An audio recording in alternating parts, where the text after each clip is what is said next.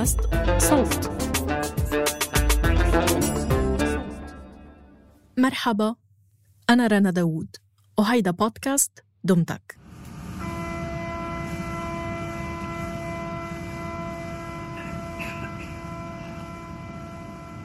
اتعذبت كتير عشان أعرف أحط خطوط واضحة لقصة الشيخ أحمد.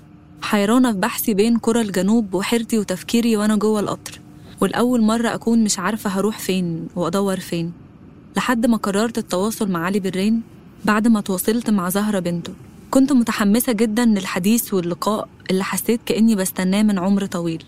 حواليا شرايط الكاسيت اللي قدرت أحصل عليها من الدكان في كومومبو ودراو وال Sound اللي كله بقى عبارة عن مقطوعات وتسجيلات تخص الشيخ أحمد. بالحلقة الماضية حكيت لنا حبيبة كيف بدأت تتعرف على الشيخ وعلى الشرايط اللي لقيتها بالدكاكين. حكينا عن نشأته بداياته وعرفنا المناطق الجنوبية اللي زارها بمصر. وابتدى كل التركيز على حديث حبيبة مع علي برين. فتحت الخط واستنيت. فجأة وصل لي صوت من الموبايل. مرحبا فيكم بسلسلة دمتك الرمضانية. بالحلقة السابقة سمعنا عن بداية رحلة حبيبة الزين اللي سمعتوا صوتها لتتعرف على صاحب الصوت اللي خطفها الشيخ أحمد برين. اليوم رح نتابع الكلام عن الشيخ ونتعرف على تفاصيل أكثر بحياته وأعماله.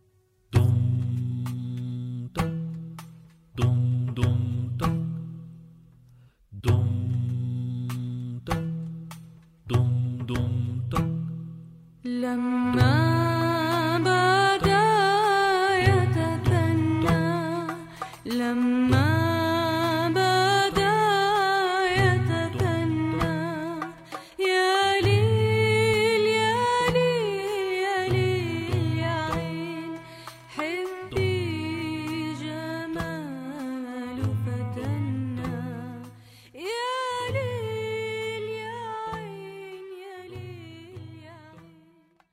رحب بيا علي برين في بداية الحديث كأنه يعرفني من سنين وسألني مرة تانية عن اهتمامي المبالغ بالشيخ. فرديت إن المحبة كافية تخلي الإنسان يبحث ويدور عن شيخه. في بداية الكلام قال لي علي إن الشيخ عنده أربع أولاد وهما محمود وعلي ورضا ونعمة. وحكى عن بداية برين مع الشيخ العديمي وأكد طول الوقت على ذكاء برين وحفظه للقصايد وجمال تعابيره وشعره. لأن برين غير إنه صوت بديع فهو شاعر بديع كمان وشجي بيكتب المسبعات بشكل بيخطف السامع خطف. والمسبوعات هي نوع من أنواع كتابة الشعر وهي عبارة عن سبع شطرات. أول ثلاث شطرات بتكون قافيتهم واحدة وتاني ثلاث شطرات بتكون قافيتهم واحدة وآخر شطر بتكون قافيته زي أول ثلاث شطرات. وفي مثال على المسبعات اللي كتبها الشيخ أغنيته المشهورة اللي بيقول فيها يا ظبية الأنس.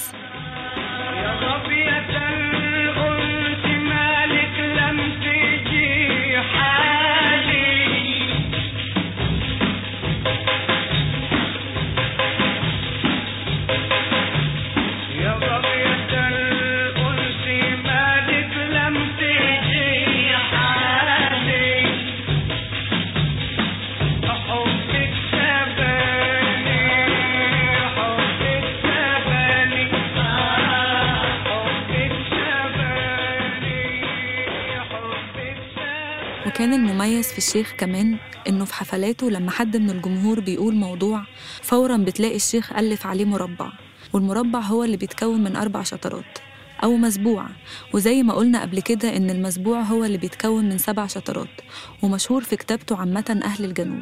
ويمكن ذكاء الشيخ وتفاعله مع الناس هو اللي خلى الناس تحبه كل الحب ده وتحب تدعيه دايما في كل المناسبات.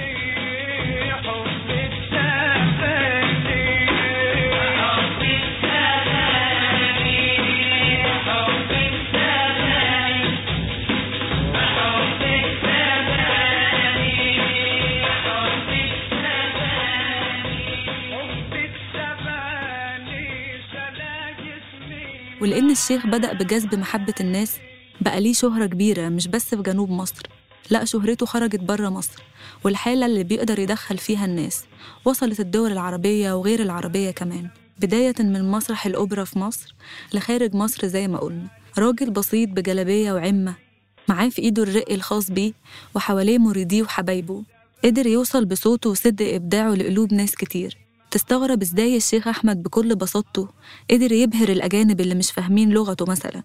لكن ترجع لنفس السبب اللي بيرجع ليه كل شيء غريب في حكاية الشيخ أحمد وهو صدقه ومحبته. يمكن من أشهر الحفلات اللي أبدع فيها الشيخ أحمد برين هي حفلة المغرب. منلاقي فيها الشيخ عم يمدح دولة المغرب وملكها وربط المدح بمدح آل البيت. وذكر وجود الشيخ أحمد بن إدريس بمدينة فاس بالمغرب اللي خلى الحضور يتفاعل مع الشيخ برين تفاعل كبير. بنفس الحفلة وبنفس الفيديو بتظهر إمكانيات الشيخ برين باستخدام آلة الرق ولعبوا عليها بأصابعه بشكل شجي ومليان حماس وطرب. كان عنده مهارة بصنع أصوات بتبهر الحضور.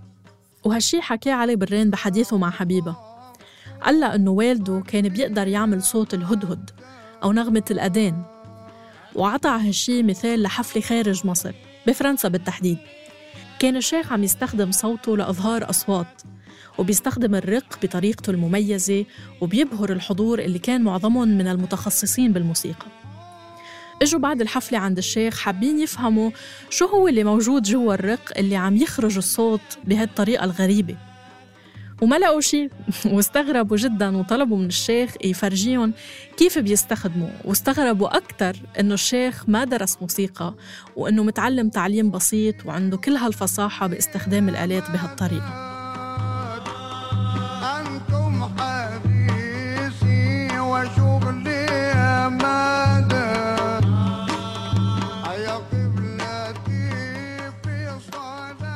صلاتي الرق صغير هو خشب وكان أيوه أيوه. كانش يمسك ال- الرقوق اللي هي الحديد والبلاستيك والكلام ده. آه الرق ده خشب ومشدود آه جلد آه آه. ماعز يعني. آه. مم. فكان الشيخ كان الشيخ بي- بي- بيخرج منه على ب- بالممارسة وبالموهبة اللي عنده. آه كان بيخرج منه بعض الألحان أحيانا. أيوه طبعا. ولذلك لو اتفرجت على على بعض ال- الفيديوهات هتلقى قاعد يحط ال- الرق على كتفه ويقربوا من المايك. أو قربوا من المايك ويعمل يعمل عليه كده إيقاع صوت. صوت, آه. الهدهد. أنا كنت معاه في حفلة آه، في فرنسا وبعد ما خلص طبعا عمل الحكاية دي كذا مرة هو. آه إنه هو يقرب ال- الرق من المايك ويضرب عليها قطعة موسيقية كده ويعني بدل على زي ما بتقول الله أكبر الله أكبر الكلام ده ومره عم- زي زي صوت الهدهد. فبعد ما خلص جو كان ال- ال- ال- الحاضرين معظمهم دكاترة دكاترة هناك وأساتذة في الكليات. آه، متخصصين في ال- في الآلات الموسيقية ومتخصصين فبيبصوا في ال- في الرق بتاع الشيخ من جوا بيقولوا يمكن حاطط حاجة من جوا آه عشان تطلع الصوت آه مطلع الصوت ده. فيعني آه، في حاجات كثيرة يعني متعلقة بالرق مع الشيخ. وبرضه بحفلة الأوبرا بيظهر قدرة استخدام صوته بالخبط على الرق وحركات إيده على تمه. وخصوصا بالجزء الثالث من الحفلة اللي بيتفاعل فيه الجمهور مع إيقاعاته بالتصفيق الحار.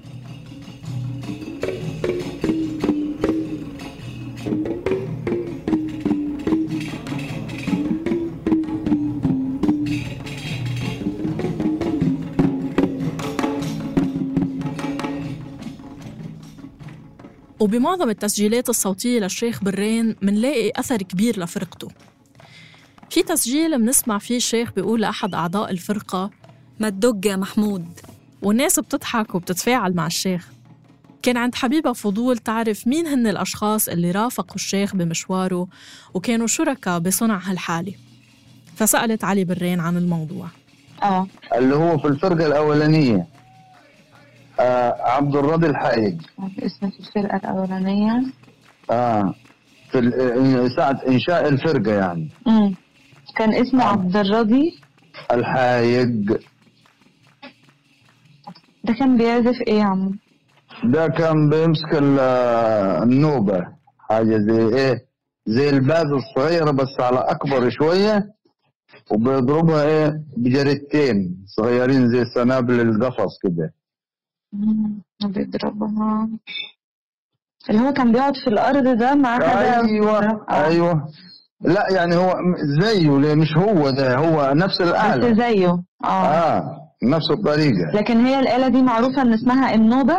آه ما النوبة بقتش موجودة دلوقتي يعني مش؟ لا موج- موجودة في التراث عندنا بس يعني. آه ما أنا أنا يعني بس أنا مش بشوف الحاجات دي. لا في موجودة حاليا آه، في. فرقة عندنا في آه. في فرقة. عندنا في البلد آه، يعني إيه بت بتحاول آه، تشبه الشيخ أو نفس كلام الشيخ أو نفس طريقة الشيخ عشان ما نجورش. آه، ونفس ال- الآلات. الآلات هي هي. ال- لا جميل النوبة خالص. آه، النوبة والرق وال آه، والطار الكبير الدف والمظهر. طيب ده أول واحد عبد الراضي الحايد. آه الحايق بالقاف. بالقاف. معلش يا دكتورة معلش. معلش أنا ب- بصلي عشان هي طبعي مدرس. لا أنا كاتباها والله بالقاف أنا عارفة. ماشي. تمام. بس آه بعد كده طبعا إيه تاني واحد آه آه صالح حفني. اسمه. حفني بين قوسين صالح الحويطي. تمام. آه ثلاثة بعد كده محمود. لا آه هو آه. حضرتك ما قلتليش هو كان بيعزف آلة إيه؟ مين؟ آه حلمي. الدف. الدف. آه. تمام. على الدف الكبير. كان تمام. يعني إيه زي بيسميها الشيخ كان بيقول هو الميزان ده. آه يعني إيه بيسرحوا كده ويروحوا ويجوا وال- والضربه بتاعت عم صالح دي آه. اسمها الفر الفرادي. كان واخد بالك؟ هي اللي بتجمع الفرقة وترجع لنفس ال- الرتم والميزان. جميل أنا بتكلم طبيعتي يعني بدون تكلف خلي بالك أنا يعني. عايزة ده والله يا آه. عم علي. أنا آه. عايزة الكلام الله يبارك الطبيعي فيك عشان أنا إيه يعني برتاح نفسيا لما بتكلم بطبيعتي كده. أيوة لكن والله براحتك آه خالص. محاو- محاولة نظم الكلام وترتيبه يعني فيها قصور في السير إلى الله قالوا. المهم خلينا مع تمام. مع رقم ثلاثة محمود أحمد محمود محمد. ده كان محمود أحمد؟ محمد. بين. قوسين محمود كلود. كلوت آه. امم ده كان ماسك النوبة بعد عمنا عبد الراضي ما ساب الفردة النوبة بعد آه. تمام وبعد كده انضم إليهم محمود نوبي. محمود نوبي. آه بين قوسين محمود أبو العوب. أبو لعوب العوب. دي الفرقة. ده كان بيعزف إيه؟ محمود أبو العوب؟ آه. آه محمود أبو العوب ده كان ماسك مظهر. مظهر؟ آه. يعني إيه دي؟ زي الرق الصغير الخشب. الصغير. آه شبه الرق. بس إيه يعني أعمق شوية وأكبر. امم دي الفرقة اللي هي استمرت مع الشيخ آه، فترة زمنية طويلة. امم بعد كده طبعا بعد ما رحل مع الشيخ محمود أبو كلوت الفرقة بها بقى فيها إيه؟ تجديد شوية. أو في أفراد غير دول. بس دول الأساسيين. دول الأساسيين اللي هم يعني إيه؟ أخذوا العصر الذهبي مع الشيخ في الحل والترحال. في حفلة بيقول فيها الشيخ أحمد دج يا محمود. أنا كنت أعرف لو- مين فيهم لو اتفرجت لو لو حضرتك اتفرجت على رحل على حفلة المغرب. آه أيوة المغرب. اتفرجت عليها طبعا. آه هتلقي إيه محمود اللي هو الكبير ده اللي بيدق النوبة؟ آه. وعم صالح اللي هو معاه الدف آه صادد على الشيخ كده. وواحد كان بيضرب إيه؟ آه ناي في الأول. ذاتي بياخد الشيخ لما كان بيطلع حفلات. مم. آه لأنه كان بيعمل مقدمة بالناي اسمه حافظ الراجل ده. كان اسمه حافظ. فوزي حافظ اسمه فوزي حافظ. فوزي حافظ حافظ. آه ده من اسمه. كلامه واندماجه خلاني أشوف بعيني وهو بيحكي عنهم بحماس المحب والمشتاق. وبدأ يقول إن أقدمهم كان العم عبد الراضي الحايج وكان بيعزف على آلة اسمها النوبة. والآلة دي فيها شبه من آلة الباز الصغيرة. بيضرب عليها العم عبد الراضي بجريدتين والجريد هو طبعا اللي بيتصنع من النخل. وكان بيضرب بيه العم عبد الراضي على الآلة في إيقاع موسيقي مترتب ومميز جدا. وبرضه الآلة دي ظاهرة في فيديو حفلة المغرب بالخصوص.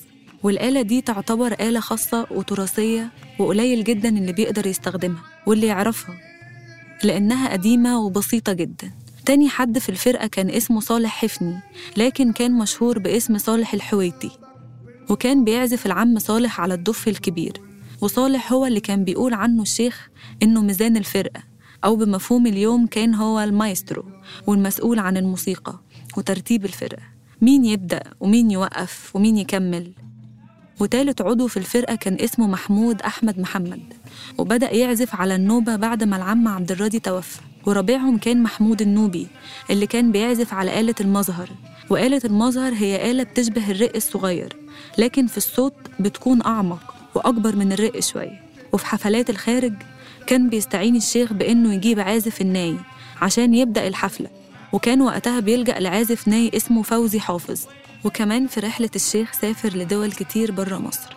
ومنهم دول زي بلجيكا وإنجلترا والنمسا وفرنسا وغينيا والمغرب. وإيطاليا وغيرهم كتير. الرحلة الأساسية بتبقى كانت لفرنسا آه. واخد بال حضرتك؟ لأنه أنت عارفة طبعا في آه، داخليا المو... الرحلات بتبقى داخلية جوا بعد كده.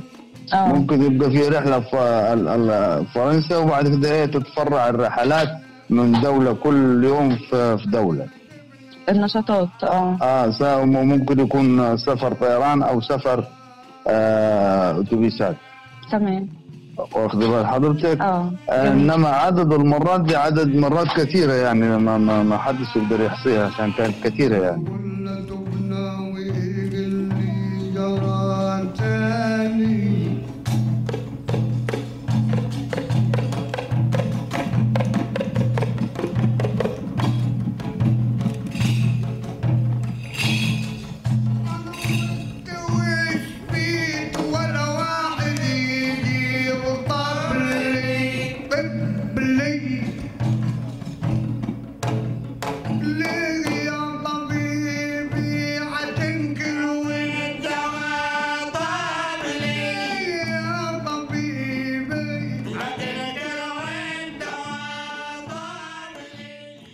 البحث والتفتيش عن خبايا تراكات الشيخ أحمد.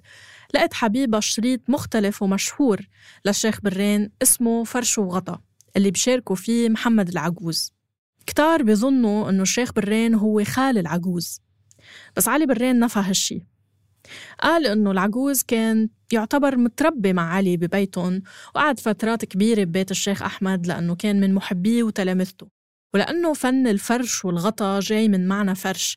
الفرش يعني إنه حدا من الفنانين بيبدأ بالقول ولو مثلا بأربع شطرات وبيكون اسمه الفرش وبعدين بيجي الفنان التاني وبرد عليه بأربع شطرات كمان وهون بيكون اسمه غطا. وعشان هيك سموا الفن فرش وغطا. المهم هالتسجيل الموجود ب SoundCloud أو يوتيوب واضح فيه التنافس بين الشيخ برين والعجوز. ففكروا الناس أنه بيناتهم خلاف ومشاحنات. وهذا عكس الواقع والمواقف اللي وصلت لنا عن احترام العجوز لبرين وحب برين له مثلا بنلاقي إنه بمرة من المرات برين وفرقته كانوا رايحين يحيوا حفل وقابلهم العجوز بالصدفة. إجا ركض يبوس الشيخ من ساسه لراسه أو من إجريه لراسه. وراح جاب أزايز البيبسي والدخان لكل أعضاء فرقته على سبيل الكرم منه وخصوصا للشيخ. ولما عرف العجوز عن مرض الشيخ راح زاره. ولما راح لقاه نايم. ورفض حتى إنه يصحيه وقال إنه حيجي بعدين. بس العجوز توفى بسن صغير السنة اللي بعدها. وراح وقتها الشيخ لأدفو بلد العجوز. وأدفو هي أول مركز بمحافظة أسوان. بيقول علي برين إنه الشيخ ضل ينوح على العجوز بحزن شديد ويقول آه يا ولدي آه يا ولدي. وضل يبكي وسط الناس حتى إنه علي حاول يهديه. بس كان رد الشيخ إنه الوجع كبير وإنه البكي والنواح غصب عنه. هالمواقف أكبر دليل على محبتهم لبعض وإنه ما في أي خلافات بيناتهم. هيدا غير إنه العجوز ببداياته كان شغال بينقل سماعات الدي جي وبدأ بالاحتكاك بالغنى وبالمدح عن طريق الشيخ وعاش ببيته سنين طويلة وحفظ أشعاره اللي حتى الشيخ نفسه كان بينساها. وكان بيقولها بالليالي مع الشيخ لحد ما تفرد بنفسه وصار يعمل ليالي لوحده وبعدها توجه للقاهرة بمحاولة للتقدم والتفرد. فكنا رايحين ليلة وسمعنا بوفاة الشيخ محمد العجوز. بس. فعدينا من هناك. تخيلي لما دخلنا البلد في النجع هلال والشيخ وقف قدام الخيمة قاعد يبكي زي الأطفال. يا ربي. على الشيخ محمد العجوز. مم. وقاعد يقول يا ولدي يا ولدي. آه فخلانا كلنا طبعا اتأثرنا هناك آه. أقول له أبوي طب أتلم عشان أتلم شوي عشان الناس طب مش أقول لي يا ابن طاعة غصب عني.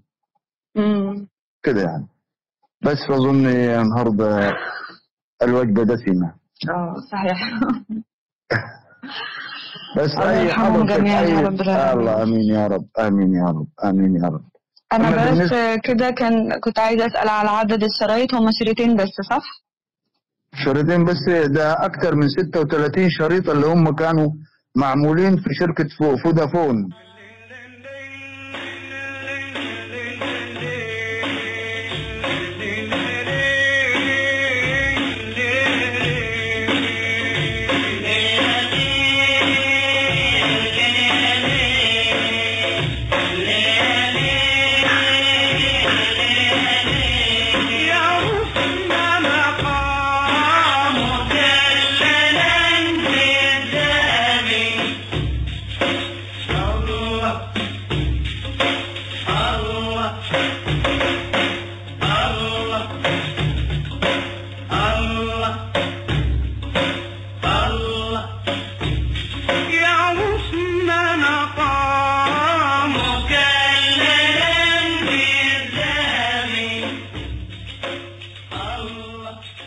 لما حاولت أعرف أكتر عن الليالي المميزة بالنسبة للشيخ أحمد وبالنسبة لجمهوره لأني عرفت إن أول ليلة بدأ فيها بالرين كانت ليلة المولد الشريف. عرفت إن ليلة سيدي أحمد بن إدريس كان ليها مكان خاص في قلب بالرين وكانت بتوافق عشرين رجب من كل عام وفضل يحتفل بيها الشيخ أحمد على مدى عمره كله في قرية الدير وكانت هي المكان اللي بيجمع كل محبيه.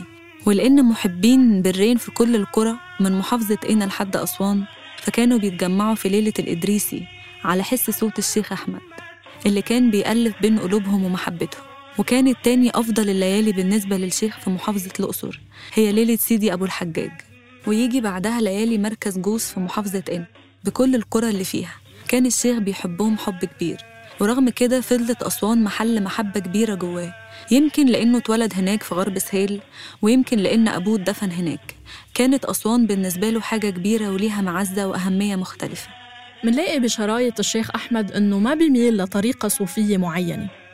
هو بس كان بيمدح وكان يحب الكل والكل بكل طرقه بحبه.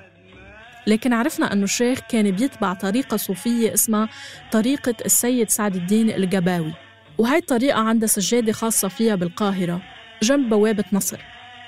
ورغم هالشي منلاقي الشيخ بيمدح كل بلد بناسها وبيمدح كل طريقة بسيدها المدح والمحبة عنده ما إلها شروط هي بس محبة لله وبعده لرسوله وآل البيت.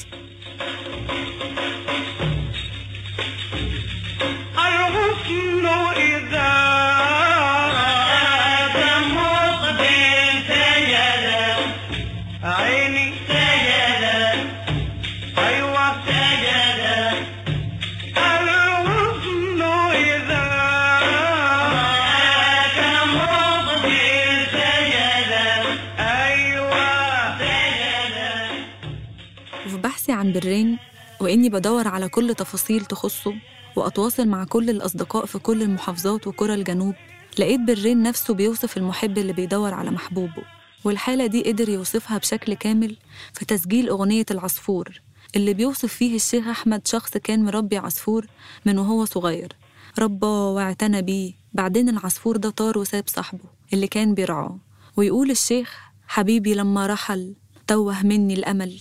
وكأن الشيخ هنا بيوضح كل توهة بيكون فيها أي محب لما حبيبه يمشي الشيء اللي يخليه يوصف إن الحبيب لما مشي كتب اسمه في حجر صوان. وبعديها يوصف الشيخ اللي مشي يبحث عن حبيبه من إسنا لحد أسوان. وقالوا له هناك إن الطير مشي لحد السد. وبعدها قالوا له إن الطير مشي منه على المطار. ومنه قالوا له راح الأقصر. وهو برضه وراه بيدور عليه لحد ما راح ولقاه. ويقول فيها الشيخ رحت للطواف وتجمعوا الأحباب.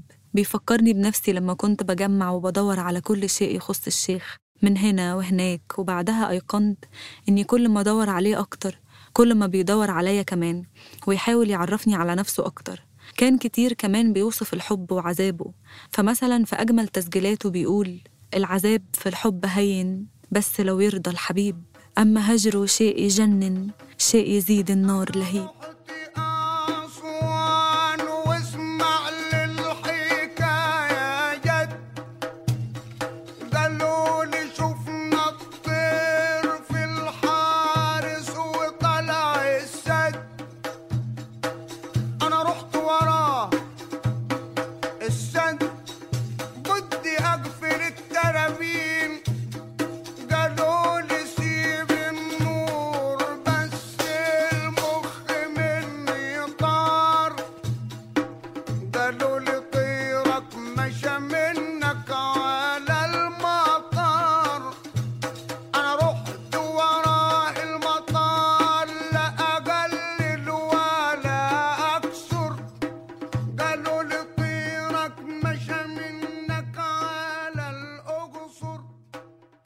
وأنا بجمع وأسمع كل التسجيلات اللي تخص الشيخ لقيت شيء لفت انتباهي بشكل كبير. هو اهتمام الشيخ بالتراث وخصوصا التراث الإسلامي. من أول ما سمعت شريط قصة سيدنا موسى والخضر اللي فيها الشيخ بيوصف رحلة سيدنا موسى مع الخضر بشكل شاعري جدا وبيوصف علاقة سيدنا موسى بالخضر وبيقول إنه لقاه بعلمه اللدني ويقول على لسان الخضر قل لي من أخبرك عني؟ لنهاية كل القصة المذكورة في القرآن. بشكل مبالغ في جماله وقعت في غرام الشريط فترة كبيرة وهو ليه جزئين وبعدها لقيت تسجيل بيحكي فيه عن قصة ميلاد النبي. ومش بس كده في حكاية غنوة برضو فيها من الجمال والوصف شيء يخطف وهي قصة سيدنا إبراهيم اللي تسجيلها اسمه أبونا الخليل وفيها مقطع ذهلني فترة كبيرة وهو بيقول الشيخ برتم سريع يخليك تتمايل كأنك في حضرة ما. وسط ألوف محبين بتتمايل معاهم وانت في بالك سيدنا إبراهيم ومشهده ويقول بالرين أترك هوى الناس وعيش خالي مع الله. ومن الجمال ده اكتشفت رؤية مختلفة خالص وكان الغريب إني ألاقي الرؤية دي من راجل بسيط تعليمه بسيط وفي بيئة بسيطة زي الشيخ برين وكانت الرؤية والمحبة الكاملة ظاهرة في تسجيل قصة سيدنا يوسف وزليخة. والشيخ في التسجيل بيخليك تشوف المشهد بشكل مختلف تماما. بنظرة محب صافية ومتسامحة جدا هتلاقيه بيوصف زليخة إنها مسكينة وقعت في الغرام ويبدأ التسجيل بلغة مذهلة لما يقول يا ظبية الأنس ليكي قلبي جافيه. وكأنه طول الوقت بيحط وجهة نظره ورؤيته الفنية واللي كلها محبة زي ما قلنا كتير. قبل وفاة الشيخ كان بطل يطلع بحفلات كتير عشان صحته اللي بدأت تتدهور شوي شوي. في فيديو منشور له قبل وفاته بعام واحد. هو وعلى فراش الموت. الفيديو مؤثر جدا. الشيخ برين كان جميل وبسيط بساطة مدهشة. متمدد على سريره وماسك الرق بإيده ومحبينه حواليه بمشهد كأنه مش بمكان على الأرض لا كأنه يعني قطعة من السما. وكل شي بالفيديو جميل من بداية قوله ومدحه بآل البيت أنتم فرودي ونسلي. لحد ما بيتجلى الشيخ وبيبدأ يقول شعر صافي وبيوقف كل حدا عايز يوصف الشيخ ويوصف هو نفسه وبيقول الهوى مذهبي وشغلي وفني فإذا جاءني النوم لم يجدني وأناجي الإله من فرط وجدي. بتلاقي برين بيوصف نفسه فعلا بأنه الشيخ الصب اللي عاشق جمال الله وقال بيت رسوله. ومنلاحظ بنفس الفيديو حس الفكاهة اللي كان بيمتلكه الشيخ حتى بآخر أيامه اللي ما أفقدته فكاهته ودمه الخفيف. اللي حبب الناس فيه أكتر وأكتر وخلون يقعوا بغرام الشيخ بيعرف كيف يخلي الجمهور والحضور يتفاعل معه. ومن الجميل يمكن بالفنون الشعبية القولية فكرة إنه الجمهور بيتفاعل. بس عند برين بتلاقي الجمهور فنان شارب من فن الشيخ. بتلاقيهم جمهور حساس حتى بتعليقاته. يعني بتلاقي واحد قاعد على الأرض لابس جلابية بسيطة بس بيتفاعل مع الشيخ وبيقول الله على الشجن يا أبو محمود. الله على الشجن بتحس حالك يعني عن جد إنه هيدا هو الشجن. وتلاقي واحد تاني بيقول له للشيخ اتدلع عاد براحتك يا أبو محمود.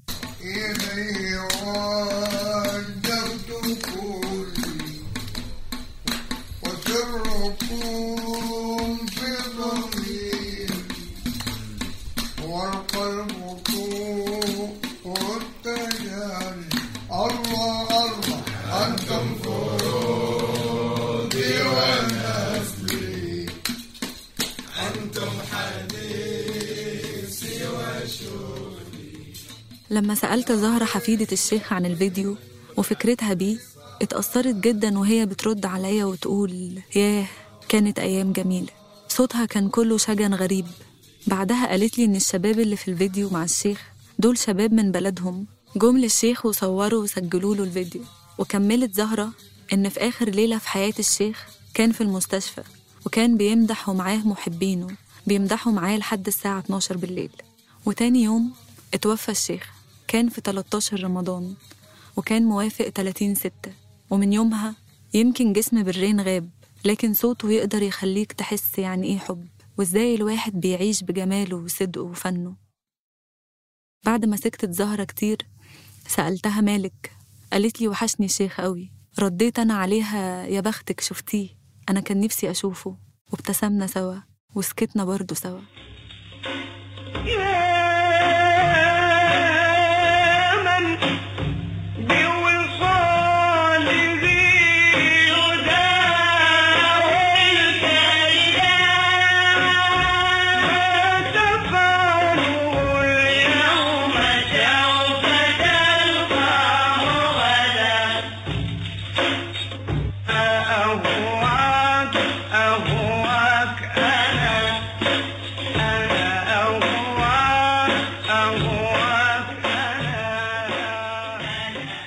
الحلقة بحث وكتابة وتقديم حبيبة الزين تحرير صابرين طه وإخراج صوتي تيسير قباني. النشر والترويج مرام النبالي وبيان حبيب.